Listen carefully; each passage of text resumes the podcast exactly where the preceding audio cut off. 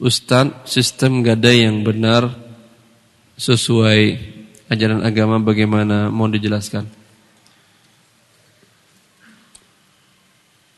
Gadai adalah barang penjamin dari hutang. Baik hutangnya bentuk qard ataupun hutangnya yang bukan qard. Umpamanya Allah Allah mengatakan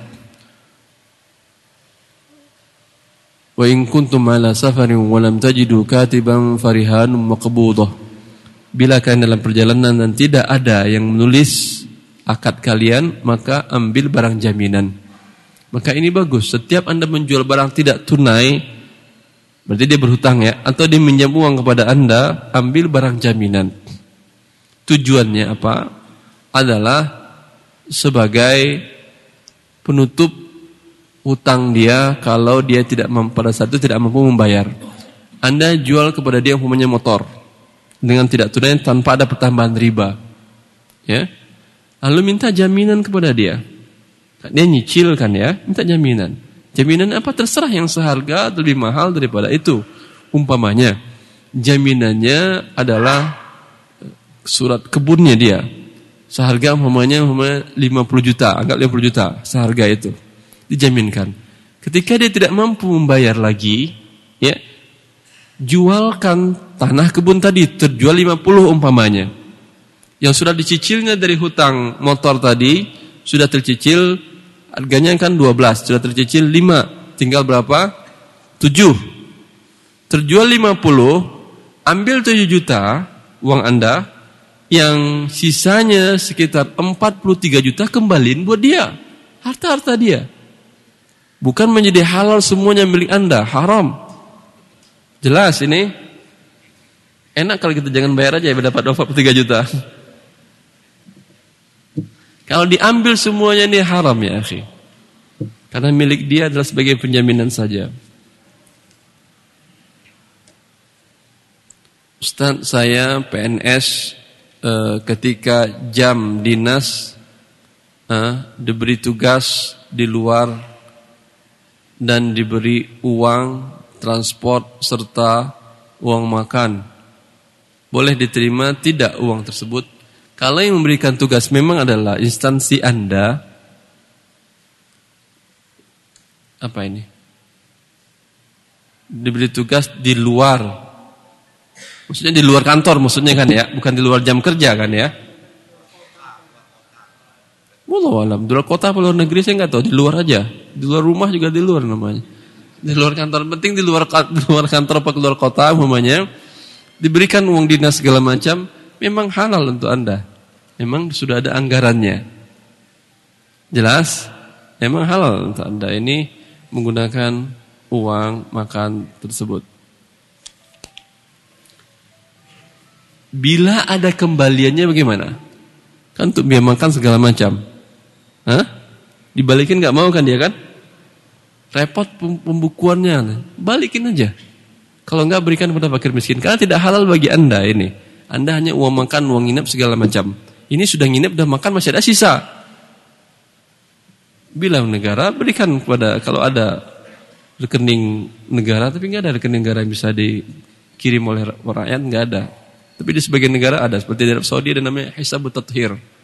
Arab Saudi itu ada Kementerian Keuangan membuka rekening apa rekening pembersihan.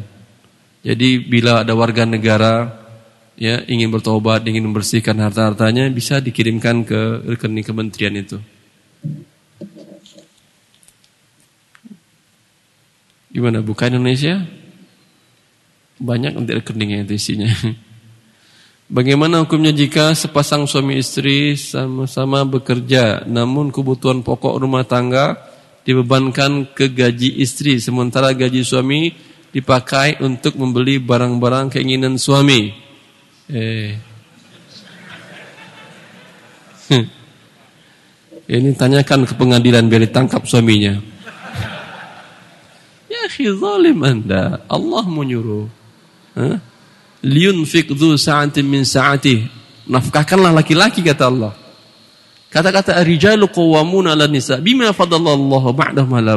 Laki-laki itu menjadi pemimpin karena mereka yang memberikan nafkah kepada istrinya. Ya, semuanya Anda yang nanggung.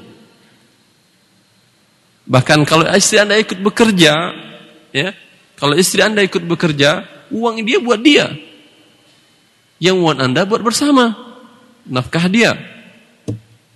Jelas ini. Apa ini? Orang tua Anda membeli mobil yang apa ini? Yang mana harga aslinya apa harga aslinya? 16 juta. Ada mobil 16 juta? Hah? Ada? Oh Allah, bannya dua apa empat?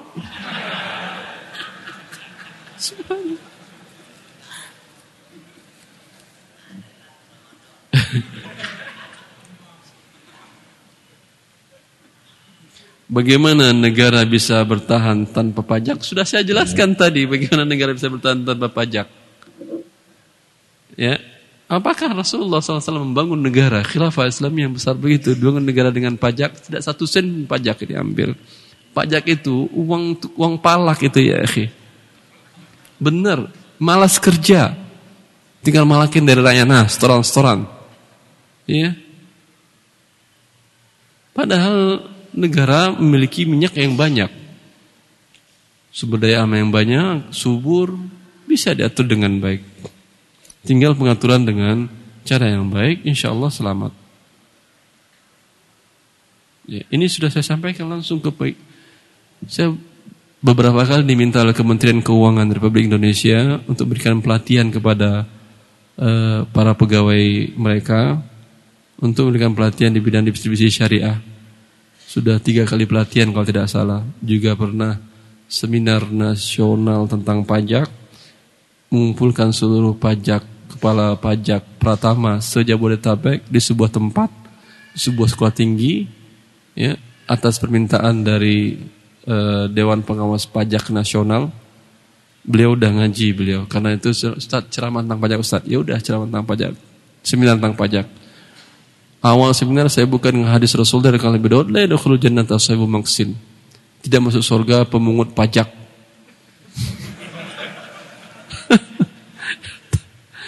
Kata mereka, gimana Ustaz? Tanyakan kepada Rasulullah gimana nya. Beliau bilang masuk surga. Karena pajak pajak yang membuat biaya hidup mahal, tinggi, inflasi, bahan adalah pajak.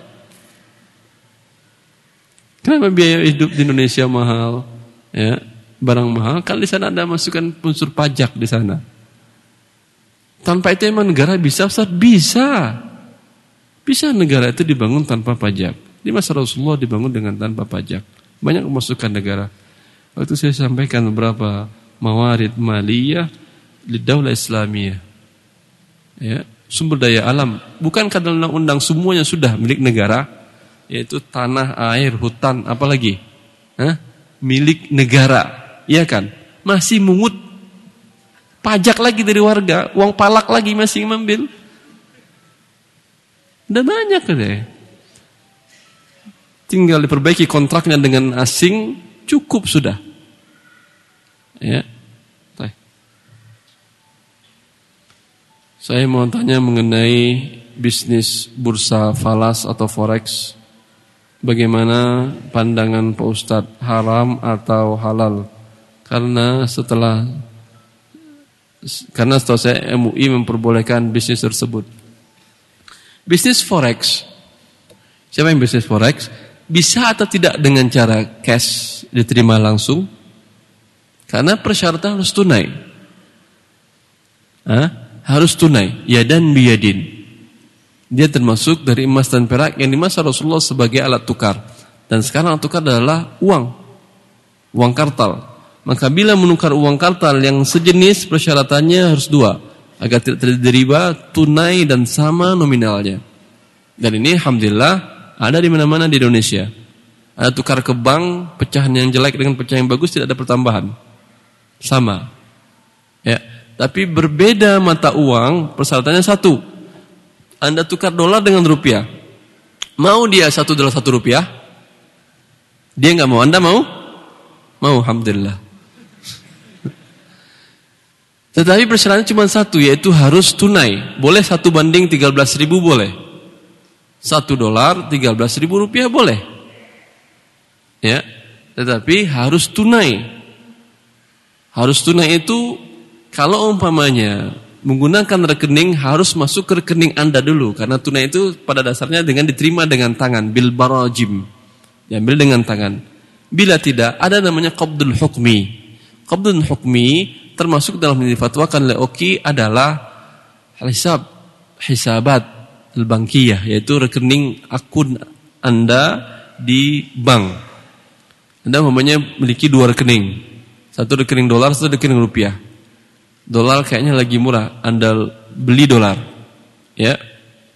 Anda kirim rupiah pada saat itu, pada saat transaksi rupiah rekening Anda berkurang dan rekening rupiah berkurang dan rekening dolar Anda langsung bertambah. Kalau bisa seperti itu, tunai namanya. Seperti Anda menarik, umpamanya Anda pergi umroh. Di sana kan menggunakan mata uang real. Bila Anda umpamanya di Indonesia mempunyai rekening tabungan di bank syariah A, rekening rupiah.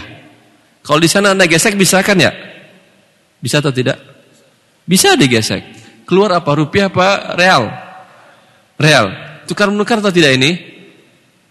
Tukar menukar. Tukar forex namanya. Yaitu tukar menukar mata uang. Tunai atau tidak? Tunai. Buktinya cek langsung rekening rupiah Anda berkurang. Jelas? Dan Anda langsung terima di sini real. Jelas ini? Yang ini terakhir. Ustadz, ya, orang tua membelikan, orang tua memberikan, memberi harta yang mana harga, oh yang tadi ya, yang 16 juta mobil tadi, tadi. cukup sih.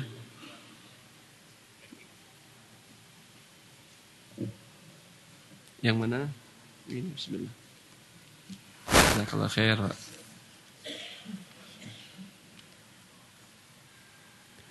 Bank syariah di Arab Saudi yang Ustadz sampaikan tanpa riba Dari manakah bank tersebut mencari keuntungan sehingga bank tersebut lebih maju daripada bank riba di Arab? Oh bagus pertanyaan. Kalau tanpa riba dari mana biaya operasionalnya? Belum keuntungannya kan ya? Saya katakan per pada tahun 2009 asetnya sudah mencapai 200 miliar dolar US. Aset dari Bank Rojihi itu. Bank Islam terbesar di dunia. Milik keluarga. Keluarga Rojihi. Keluarga ini keluarga yang Masya Allah, semoga Allah menjaga mereka. Keluarga baik. Banyak kebaikannya bagi kaum muslimin. Dari mana dia mendapatkan keuntungan? Dari jual beli. Bisa bang berjual beli? Bisa. Saya punya muzakir tafsiri ya, seperti MOU antara ketika pada tahun 1404 uh, Hijriyah, berarti tahun 84 Masehi ya. Keluarga Rojih ini ingin membuat bank yang murni syariah. Mereka mengajukan ini ke instansi resmi lembaga negara yaitu di bawah bank sentral negara tersebut. Mereka ajukan muzakir tafsiri ya MOU bahwa mereka akadnya seperti ini jual beli mudorobah rugi rugi memang rekeningnya. Akhirnya kalau rekening mudorobah anda masukin bisa kurang berkurang. Kalau rekening yang hisabul jari atau rekening giro itu tidak berkurang dan tidak bertambah. Dia berbisnis. Ya kalau akad pembiayaan kepada masyarakat bukan uang yang dikasih memang jual beli barang. Saya ingat salah satu sekolah Indonesia di Riyadh di Riyadh itu di bawah ke sekolah di bawah kedutaan ingin beli gedung sendiri, ingin memiliki gedung. Ya. Ingin memiliki gedung, mereka persyaratannya harus ada penjamin. Untuk mengajukan untuk mengajukan pembiayaan tersebut ada penjamin. Artinya, kalau umpamanya sekolah ini nggak bayar, penjamin yang bayar. Persyaratan penjamin itu adalah orang yang aman gajinya bisa langsung diambil oleh bank tanpa repot. Yaitu pegawai negeri karena pegawai negeri di sana bila dia mengajukan penjaminan maka gajinya langsung dipotong oleh pihak negara ke rekening bank. Jelas? Ya.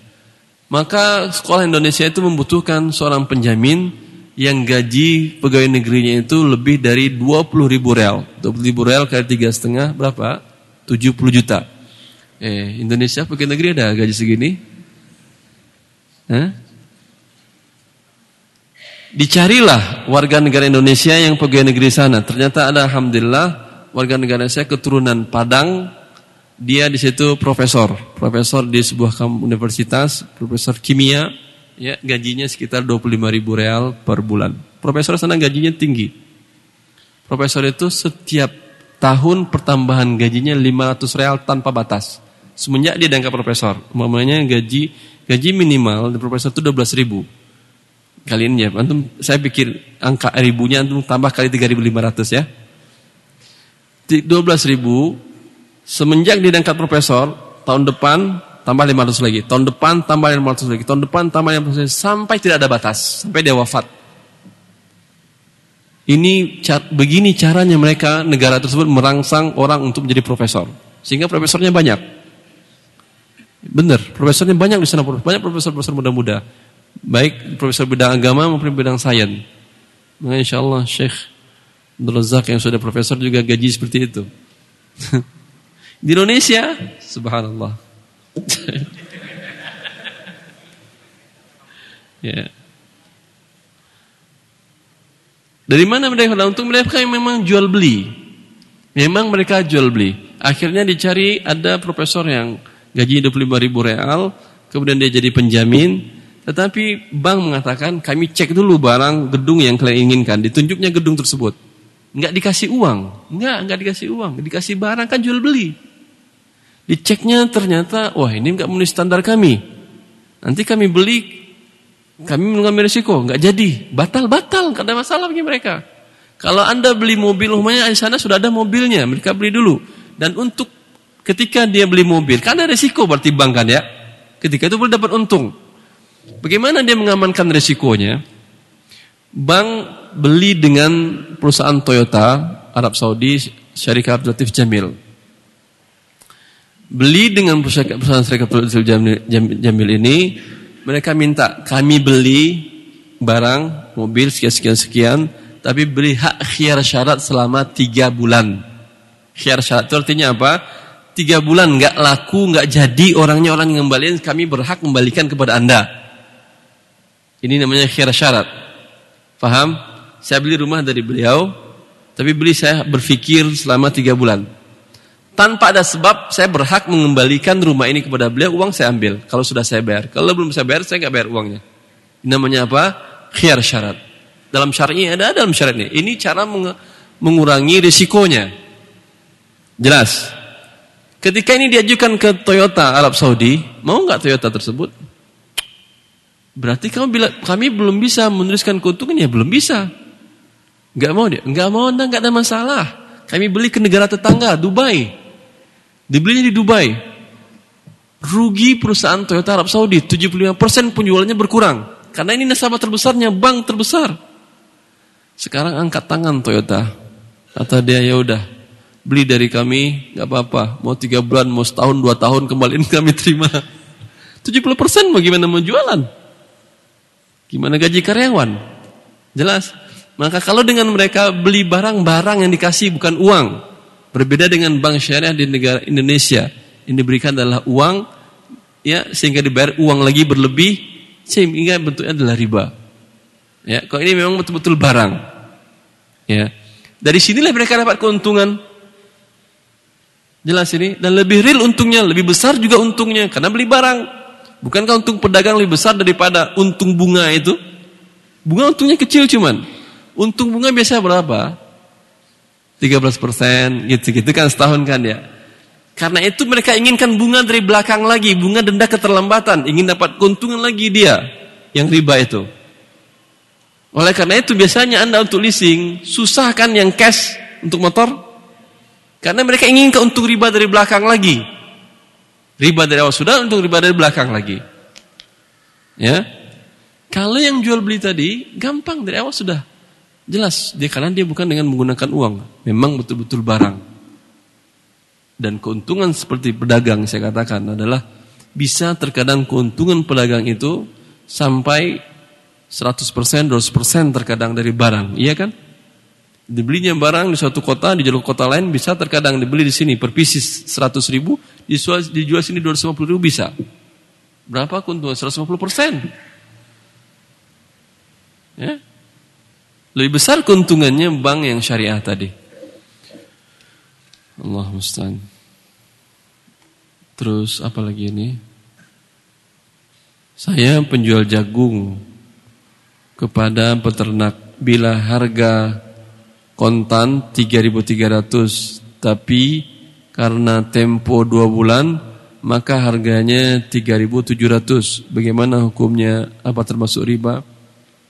Kalau dari awal kesepakatannya bahwa dijual jagung dengan tempo 2 bulan, harga 3.700 per kilo, boleh. Jelas. Tapi ketika dia beli umpamanya 3.300, kata dia ntar sore saya bayar ya. Ternyata belum, sampai 2 bulan baru dibayarnya. Ah, enggak, sekarang 3.700. Karena kamu ambil 2 bulan. Ini riba. Jelas? Lalu berapa dibayar saya? Tiga tiga ratus. Kalau dia sengaja mengulur-ngulur, dosa bagi dia. Dia sengaja mengulur dapat keuntungan dia kan? Hah? Dosa bagi dia. Matalul ghani zulmun. Yuhillu 'irdahu wa 'uqubatah. Orang yang mampu dan mengulur-ngulur pembayarannya adalah sebuah kezaliman yang menghalalkan dirinya untuk diberikan sanksi. Ustadz, saya seorang kepala sekolah yang sering menerima bantuan dari pemerintah untuk pembangunan gedung-gedung sekolah.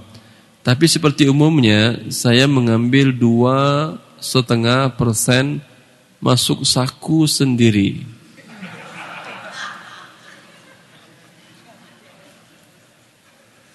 Apakah ini termasuk uang haram? Ya, jangan kita kencang. Ketahuan KPK ente masuk bui ente. Bukan dosa aja secara syar'i, secara pemerintahan pasti berdosa Anda ini. Sebab saya mengambil dosa masa sebagai gaji uang lelah. Gaji uang lelah apa? Anda kan sudah digaji untuk ini. Kecuali Anda bukan kepala sekolah. Ya. Anda tetangga kepala sekolah Lalu anda yang ngurusin, ya gajinya dua setengah saya ngurusin, tapi dengan syarat saya dua setengah persen buat saya ya. Anda sudah digaji. Pekerjaan anda A, B, C, D termasuk ini. Bila anda ambil ini haram sesen pun tidak halal anda ambil. Kalau tidak berhenti dari kepala sekolah jadi makelar ini bantuan dua setengah persen ini gede.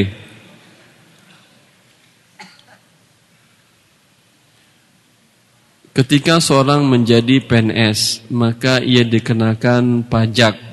Pertanyaan, apakah pajak sama dengan zakat? Tidak. Beda.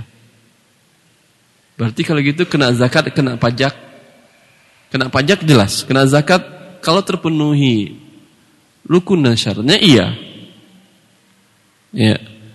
Apakah PNS terkena pajak? Mungkin iya, mungkin tidak tidak langsung dipotong dari gaji PNS tersebut zakat sekian tidak.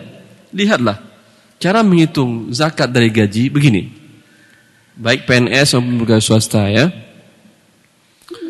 Umpamanya terima gaji bulan pertama sekitar 5 juta rupiah. Sudah sampai nisab? Belum, nisabnya 85 gram emas sekitar 43 juta. Ya. Wajib zakat? Belum, boleh dipotong sebagai zakat, terserah Anda. Tetapi kezaliman kau dipotong oleh bagian keuangan lembaga tersebut. Saya diundang oleh beberapa instansi pemerintahan di Jakarta membicarakan tentang zakat profesi. Setelah saya katakan ini sebuah kezaliman tidak ada dan di sana ada bagian keuangan motongannya, mereka semua alhamdulillah besok kita nggak boleh dipotong lagi. eh gimana Anda mau ngambil zakat dari mereka? Mereka gaji umumnya 5 juta. Biaya hidup per bulan 5 juta 500.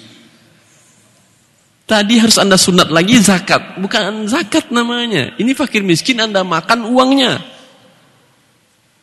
Atas nama agama zakat. Kalau yang zakat saya jelaskan begini caranya. Ya. Kalau zakat di sebagian negara seperti di Arab Saudi saya katakan tadi teman-teman kerja di Toyota di sana itu mereka karyawan yang dapat zakat dari perusahaan. Bukan perusahaan yang ngambil zakat dari karyawan. Di sana gaji karyawan 1.500 real kali tiga setengah berapa berarti 4 juta 500 ah? Itu dianggap orang miskin. Ya tiga setengah kali satu setengah berapa? Lima lah ya, 5 juta kurang. Itu dianggap orang miskin. Sehingga yang muslim, karyawan yang muslim di Toyota itu mendapat tambahan zakat perusahaan tiap bulannya. Sehingga gaji mereka naik menjadi 2.300. Berapa tambahannya itu? Berapa tambahannya? 800. Maka karyawan yang non muslim tidak dapat pertambahan. Tidak heran kalau beberapa karyawan dari Kristen, dari Filipina dan dari India mereka masuk Islam.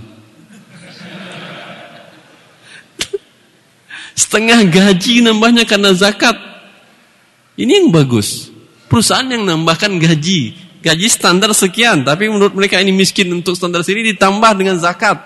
Itu bagus. Tapi diambil zakat dari mereka, ya Allah. Mereka dapatnya sedikit mau ambil lagi. Kalau menghitung zakat profesi, kalau zakat gaji Anda, terima gaji di bulan ini umpamanya 5 juta. Kan terpakai itu. Ya, terpakai umpamanya 4 juta, selimpan 1 juta. Sampai ini belum ada zakat tidak tersimpan nanti sampai sampai angka 43 juta kapan berarti itu? Mungkin 5 3 tahun. 3 tahun hitung lagi 85 ribu zakat. Apakah sanksi satu nisab 43 juta atau tidak? Mungkin naik. Anggap sampai 43 juta. Pada saat ini sudah wajib zakat belum? Hitung lagi setahun ke depan. Bila setahun ke depan tidak turun dari 43 juta sampai tahun wajib zakat depannya baru keluarkan zakat. Ini namanya zakat bagi orang yang kaya ya tapi dipotong langsung dari gaji pegawai atas nama zakat, ini adalah sebuah kezaliman. Senang para karyawan. para pegawai. Nanti kita undang lagi Ustaz, silahkan, gak ada masalah. Eh, cukup kata mereka. Eh. Assalamualaikum warahmatullahi wabarakatuh.